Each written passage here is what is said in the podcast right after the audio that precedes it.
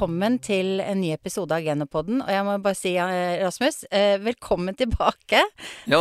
Ja, ja. Rasmus Langeré, som eh, vanligvis er min komakker på, i Genopoden. Du har vært savna nå i sommer. ja, jeg har vel hatt lang sommerferie fra den heller, så det er på høy tid at vi, at vi er samla igjen. Veldig glad for det. Oda Christensen heter jeg, og vi har med oss en veldig spennende eh, gjest. Og ikke bare det, men Genopodden er i dag på et litt spesielt sted. Spesielt sted for meg. Eh, spesielt sted for Norge. vi kan putte det i verdenssammenheng. Vi er nemlig ti minutter unna resten av verden, hvis man tenker på togtid. Vi er på Eidsvoll. Det er vi. Ja. Og Jeg har det lurt dere hit, Ja og, Ja. var- ja og det er en fin plass å være på. ikke sant? Og veldig fint sted å bo også. Det var jo dagens eh, Eidsvoll-reklame. Eh, og så har vi fått med oss en veldig spennende gjest. Eh, og så hadde jeg en litt sånn morsom tanke på det at det, egentlig så kunne man kanskje ha kjørt den derre eh, Det er også en pod som heter Dansken, svensken og nordmannen. Eh, fordi Rasmus, du er norsk. Mhm. Eh, jeg er dansk, selv om det kanskje ikke høres sånn ut. Og så har vi fått med oss en veldig spennende gjest som er da svensk. Ja, Line Hallén. ja precis. Ja. Mm. Eh, og vi har ikke invitert deg i dag fordi eh, av eh, statsborgerskap eller eh, veldig fin, dia- fin, fint språk å høre på, men vi har invitert deg fordi du har doktorgrad i noe så spennende som digital dermatitt. Ja. Og det har jeg lært en del om nå. Rasmus har til og med vist meg noen eh, bilder, men eh, kan ikke du fortelle litt om hva digital dermatitt er? ja. Ehm, digital dermatitt är en allvarlig smittsam eh, hudbetennelse eh, som vi finner på klövarna. Eh, som orsakar sår som kan göra väldigt ont. Som leder till reducerat dyrevelfärd då, och halthet och smärta hos kurerna. Hva er det som ligger bak? Hva er årsaken til denne sykdommen? Eh, det är en bakteriell sjukdom. Ehm, så det är några bakterier som vi kallar för treponemer. Ehm, och ehm, de här treponemerna trivs väldigt gott i skittna miljöer. Eh, så det är hygiener då. Eh, fuktiga miljöer med mycket muck. Och de här bakterierna är de viktigaste orsakerna till att man utvecklar de här såren då. Og jeg har nå fått lov eh, å se eh, et lite utvalg av eh, de bildene som er av disse sårene, og der har jeg skjønt også det er litt sånn forskjell på Noe er under kløvene, noe er Noe kan også synes utenpå. Vil du fortelle litt om hvordan det ser ut? Ja, ehm, framförallt då så ehm, finner man de här såren. Eh, det är eh, i balleregionen bak klövspalten. Eh, det är den vanligaste platsen. Men man kan också finna dem i klövspalten eller föran klövspalten. Eh, de kan ha väldigt olika utseende, eh, så det kan vara lite eh, lurigt. De kan, men de är oftast runda till ovala. Eh, de kan vara sån, de klassiska eller ser nästan ut som ett, ett jordbär med sån röd jordbäroverflate som gör ont när man trycker på dem och de kan blöda. Eh, men de kan också vara lite mer grågula eh, och promenerande eller stå ut. Då. Så allt från en halv centimeter till flera centimeter stora och kan göra väldigt ont. Då. Mm. Ja, det høres ikke godt ut. Nei, det er ikke det. Nei, og jeg kan si at eh, Lina har jo skrevet en artikkel som kommer i budskap nummer seks, og der er eh, disse bildene som da Oda har fått sett, de kommer der, så da er det mulig å kikke litt for å få et enda bedre inntrykk av hvordan dette arter seg. Men hvordan er situasjonen i Norge nå? Er, er dette noe som er på frammarsj og er i ferd med å spre seg, eller er det noe vi har kontroll på?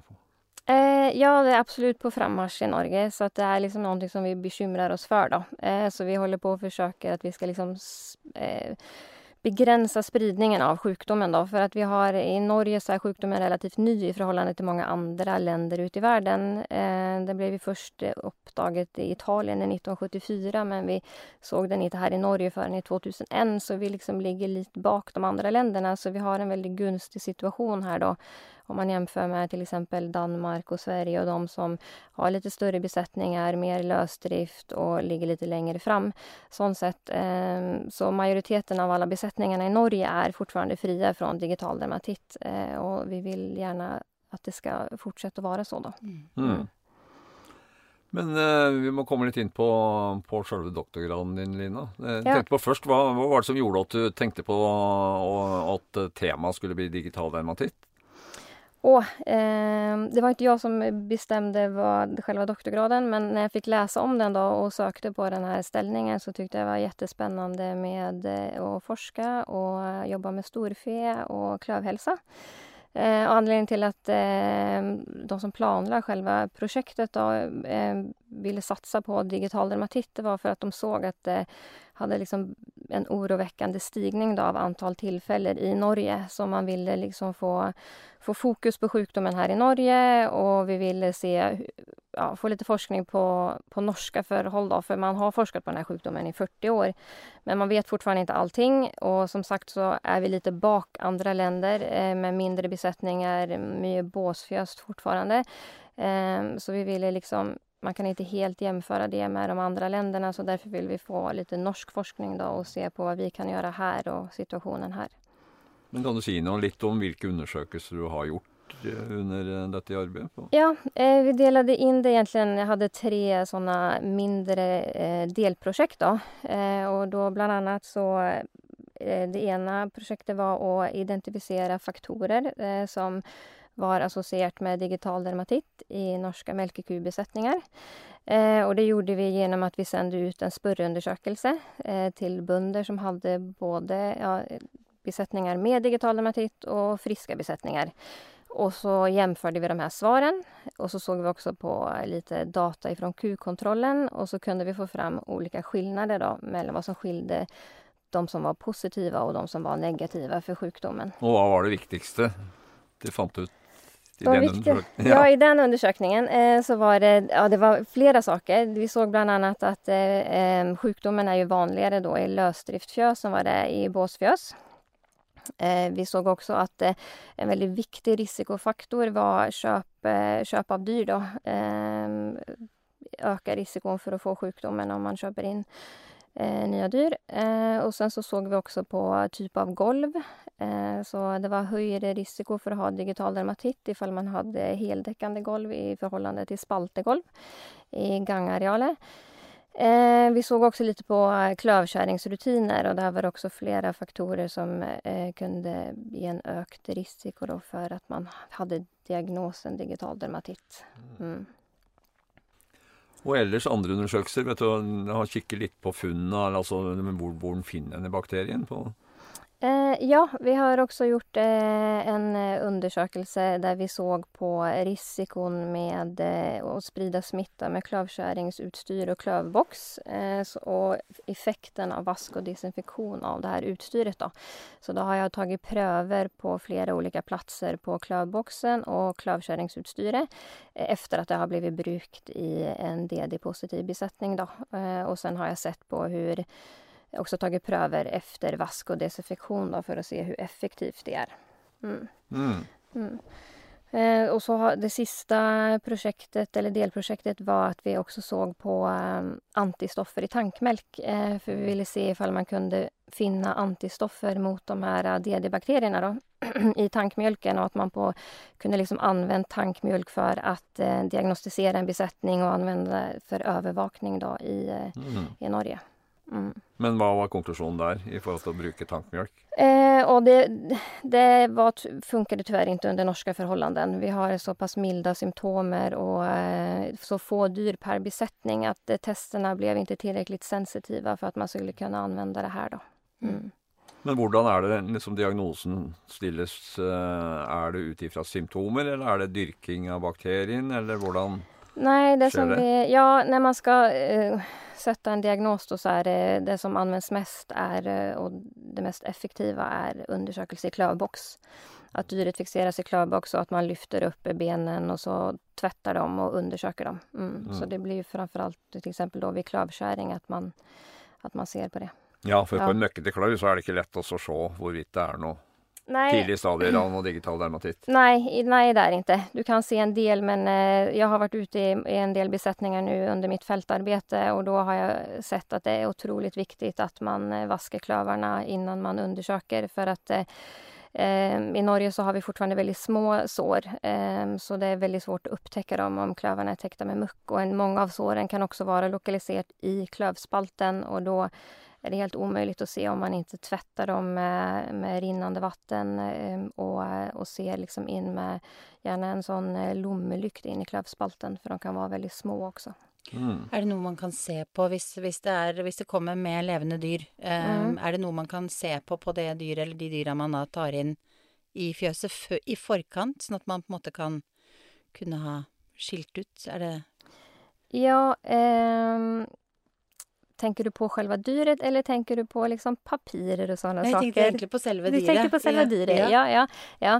Eh, nei, altså eh, Vi vil jo gjerne, om man skal kjøpe dyr, hvilket jeg egentlig eller anbefaler at man ikke skal gjøre, da. Eh, men om man måste gjøre det, så eh, så är det väldigt viktigt att man då, som jag sa, tar dyret i en klövbox och undersöker det, lyfter upp, vasker och ser på det. Eh, det är superviktigt. Eh, för eh, Eh, det är väldigt svårt att se om de har digital dermatit ifall du inte gör det. Ehm, I Norge så är det väldigt lite halthet än så länge eh, på de djuren som har digital dermatit för att eh, såren ofta, ja, det är milda symptomer här. Ehm, och då är det väl, man kan liksom inte se om de är väldigt sällan de är halta om de har digital dermatit. Mm. Så må man vara kritisk till vilken och, och söka upplysningar och attester från den besättningen man köper ja, ja, ifrån så man ja. inte köper ifrån risiko. Nej, nej, nej. Så det, det, som jag anbefaller är ju framförallt då ha en, en looked besättning. Eh, inte köpa in dyr för det är väldigt stor risk att få med sig sjukdom. Eh, mm. Jag förstår att det är väldigt vanskligt för en del att ha det. Så, men då måste man verkligen vara smart och planlägga sina köp då, så man har god tid. Mm. Ja, for det, um, det, er jo også innrapportering på klauhelse. Ja, precis. Um, ja. Mm. Og der uh, vet jeg også blant annet at uh, Cecilie Ødegaard Sviehus har vært uh, involvert. Ja, ja. ja precis. Mm. og hun har jeg tatt en liten prat med, så vi skal høre hva hun har å si. Da sitter jeg her med Cecilie Ødegaard Sviehus. Hei. Hei. Jeg har fått lov til å ta en prat med deg fordi du tidligere var ansatt i Geno. Stemmer. Som mm. forsker. Mm -hmm. På klauehelse, blant annet. Ja. Jeg ja. jobba så mye forskjellig, men det starta med doktorgraden min på klauehelse. Ja. Stemmer. Eh, og da var du eh, også involvert i eh, prosjektet til Lina. Det var jeg. Mm, men nå jobber du I Amenova. Ja. Som avlsforsker der. Ja. ja. Men hvis vi skal tilbake igjen til uh, Klau Ja. så uh, du, jo, du sa jo det med doktorgraden din på klauhelse. Ja. Eh, jeg sa jo det her var jo sånn i fjor, men det er noen år siden. Det er det. Jeg begynte på doktorgraden min i 2011. Og da begynte jeg å jobbe med klaudataene som jeg rapporterte inn fra Helsekort Klau. Og begynte med å regne nei, arvegrader på det. Og så endte det med at Geno implementerte klauhelse i avlsmålet sitt ja. i 2014. 14. Ja. ja. Tida går fort. Går Men det har skjedd mye imellom der også. Eh, og opp nå da til eh, bl.a. doktorgraden til Lina. Det har det absolutt. Så, eller i 2014, det var da egentlig det eh, eskalerte med klauehelsedata. fordi da tok vi i bruk elektronisk innrapportering, som også Margrethe Sokstad var veldig involvert i. Eh, og når vi er avlsforskere, så er vi veldig glad i data, da. Så eh, det, vi, Jeg så jo det at eh, antall registreringer per år økte ganske betraktelig etter at vi fikk på plass digital, eh, et digitalt helsekort Klau. Mm -hmm. eh, og det er kjempebra. Eh, for da I avlsarbeidet så er vi avhengig av å ha mye fenotyper mm for å kunne beregne sikre avlsverdier. Så um, i eh, Lina sitt eh, prosjekt så jobba jeg litt med genetiske eh, eh, analyser av digital dermatitt. Mm og det er jo en utfordrende egenskap fordi at det er en veldig lav frekvens i Norge. Eh, så når jeg så at frekvensen økte, så var det jo i mitt forskerhjerte litt bra, fordi Da fikk du mer data? Min, eh, ja, da fikk jeg mer data. Gjøre min eh, jobb lettere. Men uh, selvsagt så vil vi jo ikke ha for mer eh, Vi vil jo ikke ha digital dermatitt i Norge. Nei. Men vi vil ha inn gode rapporteringer, eller altså total ha... rapportering på klauhelse. Ja. skal vi gjøre noe med klauehelse i avlsarbeidet, så er det langsiktig. Det er lave arvegrader. Eh, og vi må ha gode fentyper. Mm. Og da må vi ha eh, mange. Og så må vi ha mange. Mm. For alle Det er jo veldig mange forskjellige klauelidelser som registreres. Em, og noen er mer frekvente enn andre. Em, men eh, det, det viktige er at vi har gode data, og, og at eh, vi også får data på kyr som ikke har klauelidelser i det hele tatt. Så det er eh, også veldig viktig. Det er som mantra tror jeg jeg har holdt på med siden jeg begynte. At eh, man må registrere eh, kyr som har normale klauer eller friske klauer også. Så vi veit at de har vært i klaueboksen. Ja, for hvis ikke så kan du ikke si at de er helt friske. Nei. Nei. Da blir de ikke tatt med i beregningene, for da veit vi ikke om de har vært undersøkt eller ikke. Nei. Så de, ditt eh, ønske til alle produsentene er at innenfor liksom, besetningen, alle som er i klaueboksen De, må, de bør eh, registreres innen til kukontrollen, ja. Ja. Eller hva det nå Hva heter det nå? Ja, kukontrollen. Ja. Så, Eh, mm, Så rapporter, rapporter, rapporter. eh, Og sånn sett så får dere mer data eh, Ja. som vil hjelpe inn i arbeidet rundt eh, både på avl og på, og på eh, klauehelse helse i det hele Ja. tatt på, i besetningene. ja, altså det er jo generelt for alle egenskaper at vi må ha gode, gode fenotyper. Eh, Men på klau, spesielt på klau, da, så er det jo eh, Det er jo ikke bare for avlsarbeidet det er lurt å registrere, men også for, eh, for managementet i besetningen. Fordi at eh, avlsarbeid på klau er jo langsiktig, som jeg sa. Mens eh, får man en god oversikt over klauhelsa i besetningen sin, så kan man sette inn tiltak. Ser man en endring, så kan man sette inn tiltak tidlig, tidlig sånn at man kan gjøre noe før det blir et for stort problem. Da. Så man får jo en god oversikt over sin egen besetning også. Mm. Så, mm. Jeg hører i hvert fall at du har overbevist meg om at data er viktig, ikke bare for forskeren. Så eh, jeg tror vi eh, eh, lar det bli med det. Eh, husk å rapportere inn uansett. Eh, og så eh, får vi det, de beste resultatene også i besetningene på helse. Yes. Tusen takk, Cecilie. Bare hyggelig. Det var koselig. Prat om klær. Veldig. Vi kan aldri prate nok om klauer. Vi skal prate litt nå også. ja. Ja, Lina, de som er så uheldige å ha fått dette inn på fjøset, du har fått påvist at du har ett eller flere dyr med symptomer på digital dermatitt. Hva, Ja. hva bør de gjøre? Ja, eh, det vi anbefaler är ju att man eh, så fort som möjligt eh, gör en tilltagsplan. Mm. Eh, och då skulle jag rekommendera att man gör den tillsammans med sin veterinär och eh, klavkäraren så att man liksom är ett team som stöttar varandra för det kan vara ganska tufft att få den diagnosen och det är kedligt att behöva ta allt det själv då eh, och motivera sig själv. Eh, så det skulle jag vilja göra. Eh, det är väldigt viktigt att man vid klövkärring då som det oftast upptäcks då att man behandlar alla de såren som man upptäcker, även de som är pyttesmå.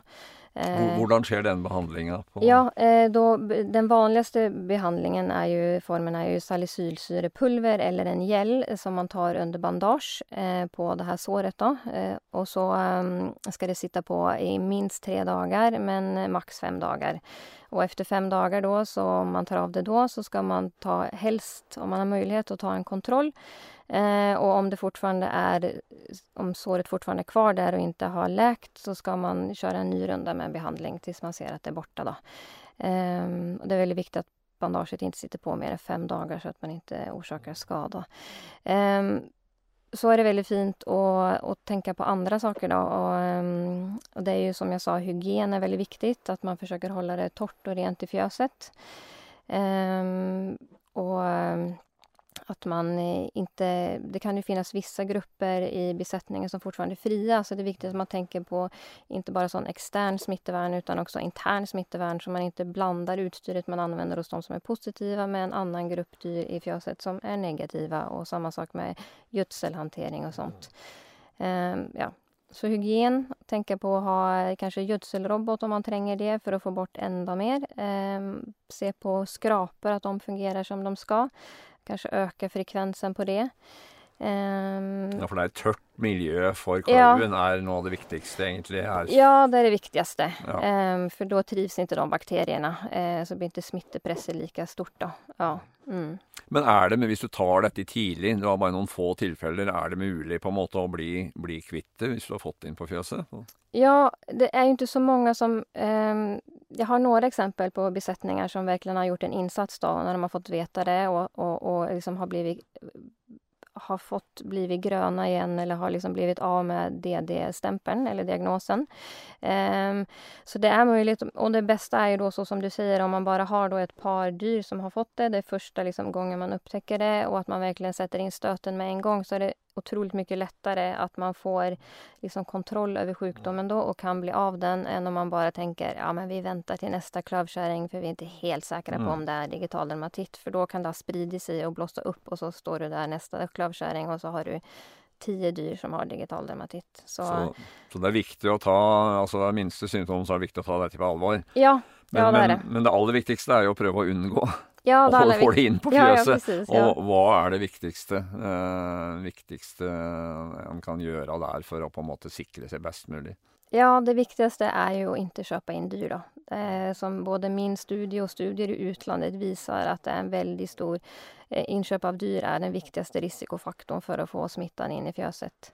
Eh, så det är väldigt viktigt att köpa så lite dyrt som möjligt, helst inga alls. Om du måste, så lite som möjligt. Och då ska du också vara väldigt smart och, och planlägga det. Eh, hellre då liksom ha lite is i magen och kanske stå med ett par dyr för liten i några veckor eller en månad och så verkligen veta att de, den besättningen du köper ifrån, att du har kollat statusen på den besättningen, att man vet att de dyren man får in också är fria från det, så att deras historik är DD-fri.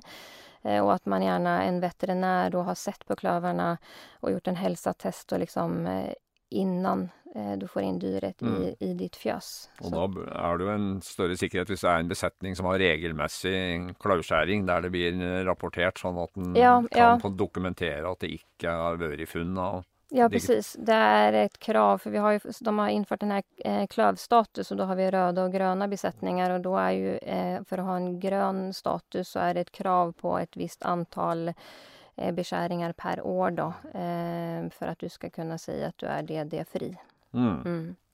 Så det med hyppig eller regelmessig klauskjæring er et viktig Ja, det är väldigt viktigt. Ja. Ja. Mm.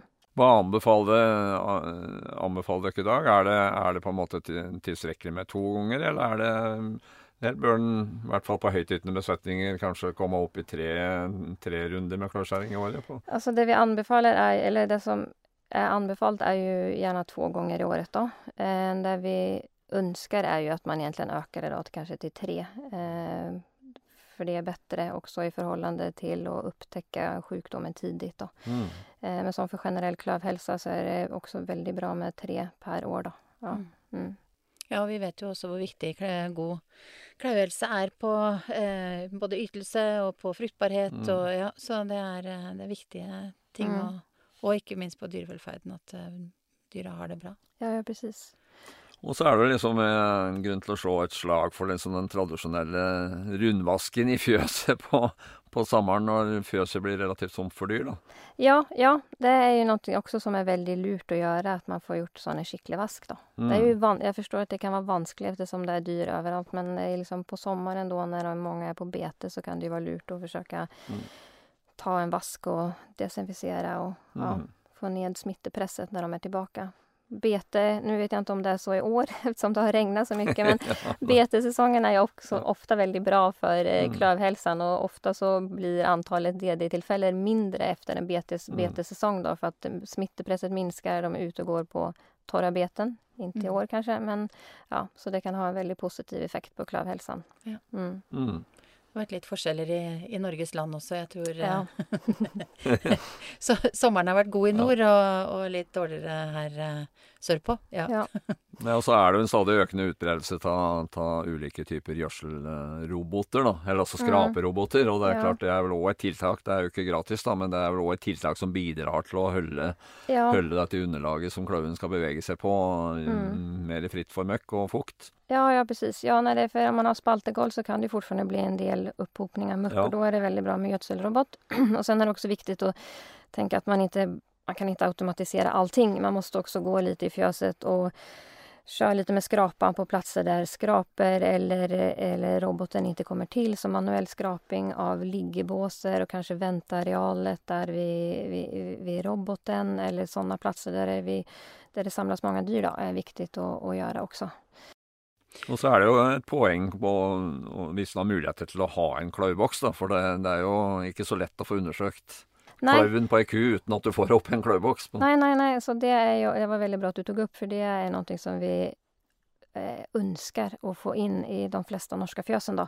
En sån enklare Mm. klövbox som, eller behandlingsbox då, som de kan använda där som veterinären kan använda när de ska skriva hälsotester ifall det är kämpebra om du till exempel har fått digital dermatit och du har en sån stationär klövbox ståendes för då när klövkärran har varit där och han har satt bandage på korna och på de som har DD så kan du efter fem dagar så kan bonden själv då eh, fortsätta behandlingen och då är det mycket mer Mm. mycket bättre effekt av behandlingen ifall man får tagit den där andra rundan med bandage ifall såren är inte borta. Mm. För klövkärran har ju, jag tror inte så många av dem har möjlighet att komma tillbaks fem dagar efterpå för att ta en ny runda på ett par dyr då och sätta ny bandage på dem. Så det är superfint om bonden har det Mm. hemma. Mm. Mm. Og at den har en enkel vaskemulighet der den klaubboksen er plassert. da, Så det er enkelt å spyle, Ja, ja, rent disse klauva på. Det er sånne praktiske ja, ja, ja detaljer Ja, ja. Mm, mm.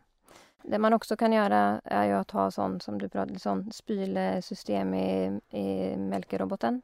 Eller fotbad och sådana saker är också väldigt bra Mm. att, att få in ifall man har fått digital dermatit. Mm. Men så vidt litt om, litt om fotball. Det, er noen, det blir jo ofte anbefalt, men noen syns jo det er litt tuklete å drive på med, og det er ganske sånn arbeidskrevende. og du, For skal du ha et velfungerende fotball, så må du jo drive og skifte den i herre væska ganske ofte, for det blir jo mye forurensning nedi disse Ja, karra.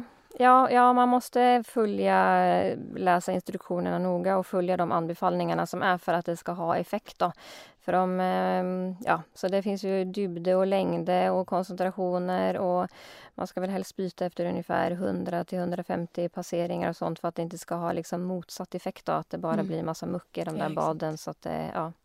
så, ehm, så det är någonting som är viktigt. Nu är det många som bygger nya fjös eh, Mm. eftersom det ska gå från lös, eller båsfjös till lösdrift och då är det väldigt lurt att tänka på det när man bygger fjösen att det ska finnas en bra placering för att få plats med till exempel fotbad. Då. För det är, Mm. är inte i gamla fjös så det är svårt att få till Ja, på ja ett det, ställe. litt sånn praktiske utfordringer. Ja, så då är det jobbigt och, och det blir jobbigt för bonden och, ja, och placert det och det är dåliga arbetsförhållanden kanske. Och, ja, så Mm. det, mm. Jeg tenker at det er viktig poeng også når at man skal bygge nye fjøs nå, i og med at det er løsdriftsfjøs hvor dette blir et større problem. ja, precis. man allerede Ja. er forberedt og Mm. kan, eh, kan eh, jobbe preventivt på det. Ja. Eh, Er det, noen, eh, er det noe du har sett på i forhold til type rase, eller i forhold til om det er yngre eller eldre dyr som, som, er større, som har større risiko, da? Er det Ja, alltså um, det är en del studier som har gjort på det här med, med ras och sånt, eller om på genetik. Uh, vi har ju försökt göra det här i Norge, uh, men vi har inte så mycket registreringar så att vi har fått några väldigt tydliga tal. Så, uh, och så har det gjort några i utlandet då, så man ser väl att det finns en form för arv, arvegrad då. Den är inte så hög, men det är fortfarande så att man kan, att man kan göra förbättringar med avelsarbete. Eh, Så ja, det ser ut som att Holstein till exempel kan vara lite mer utsatt för att, att få digital dermatit eh, än eh, till exempel norsk röd. Mm. Mm. Så ser man också att det är många alltså, dyr som är i höjlaktation är mer utsatt för att, att utveckla DD. Eh, och att eh, risikon blir också lite mindre ju längre ut i, ju äldre de blir då. För de upparbetar sig ett, ett immunförsvar. Ja, Oda, dette her er et tema vi kunne ha holdt på med Det- tror en helt rundt ja. hele dag. Ja. Men eh, tida går, og vi må tenke på å runde av. Og, Og som vanen som vi har som tradisjon, da, så får våre gjester alltid til slutt komme med sitt beste råd. Ja. Så, eh, og nå er jo du alene, så du kan til nød få komme med to råd, men da må de være veldig korte. ja. Vi er rause her, da. Ja, vi er veldig rause. Ja, det är väldigt snällt. Ja. Nej, alltså mitt eh, bästa råd är eh, att jag önskar att folk ska ta digital dramatik på allvar. Eh, och förstå att vi, om, vi behöver göra någonting åt situationen nu. Eh, och ja, att om man får digital dramatik, sätt in tilltag med en gång. Eh, om du inte har digital dramatik, gör allt du kan för att förhindra att du får in Mm. smittan i fjöset. Eh, för den är jättesvår att bli kvitt när du väl har fått in den. Så det är det jeg vil avslutte med. Ja. Og så tror jeg vel at øverst på så sier det vel 'ikke kjøp inn levende dyr'. ja, det är det. Om du har mulighet, så ha en lukket besetning. Det är det allra bästa skyddet mot digital dermatitt. Jeg syns eh, det var eh, Ja, eh, det er, et, vi- det er et viktig tema, og viktig å ta det på alvor, som du sier. Så em, em, jeg håper at folk eh, hører på det her, em, og, og virkelig tar de grepene som Lina anbefaler. Ja, for tas det ikke på alvor, så vil vi få en situasjon i Norge der det er flere og flere besetninger som rammes, og det kan bli enorme økonomiske tap. Og det er jo mye dyrevelferd der, for det er jo Mm. veldig smertefullt for disse dyra som får dette. Så, så bare understreke at dette her må vi ta på alvor. Vi må ta på alvor nå, før situasjonen blir så vanskelig at det er nesten umulig å, Ja. Mm. å få det under kontroll. Men vi skal snakke mer om klauehelse i en senere podd òg, vi. em, hvor vi skal snakke med en klaueskjærer og Ja, så vi har eh, Kjem mye- tilbake til det. Ja. Det er et viktig tema, som vi sier. Eh, vi skal si tusen, tusen takk til Lina, som da tok eh, turen til eh, helt til Eidsvoll. Eh, Ja. Takk så mye Ja. for at jeg fikk komme. Det var veldig hyggelig. Ja. Veldig, veldig Mm. bra. Vi er eh, eh, ja, veldig glad for å være her begge to, Rasmus. Det er vi. Denne episoden hører du selvfølgelig på eh, der hvor du kan finne andre eh, genopodder også, eller helt andre podder. Eh, den ligger også på geno.no. Og vi skal høres igjen snart, Rasmus. Ja da. Ja. Og første onsdagen i hver måned er Er det Da skal vi dagen? være på lufta. Ja. Vi vet at mange hører det tidlig på morgenen også, så den kommer ut rundt klokka seks på morgenen. Så det er bare å høre på. Da sier vi tusen takk. Ja, Tack för det. Tack så mycket!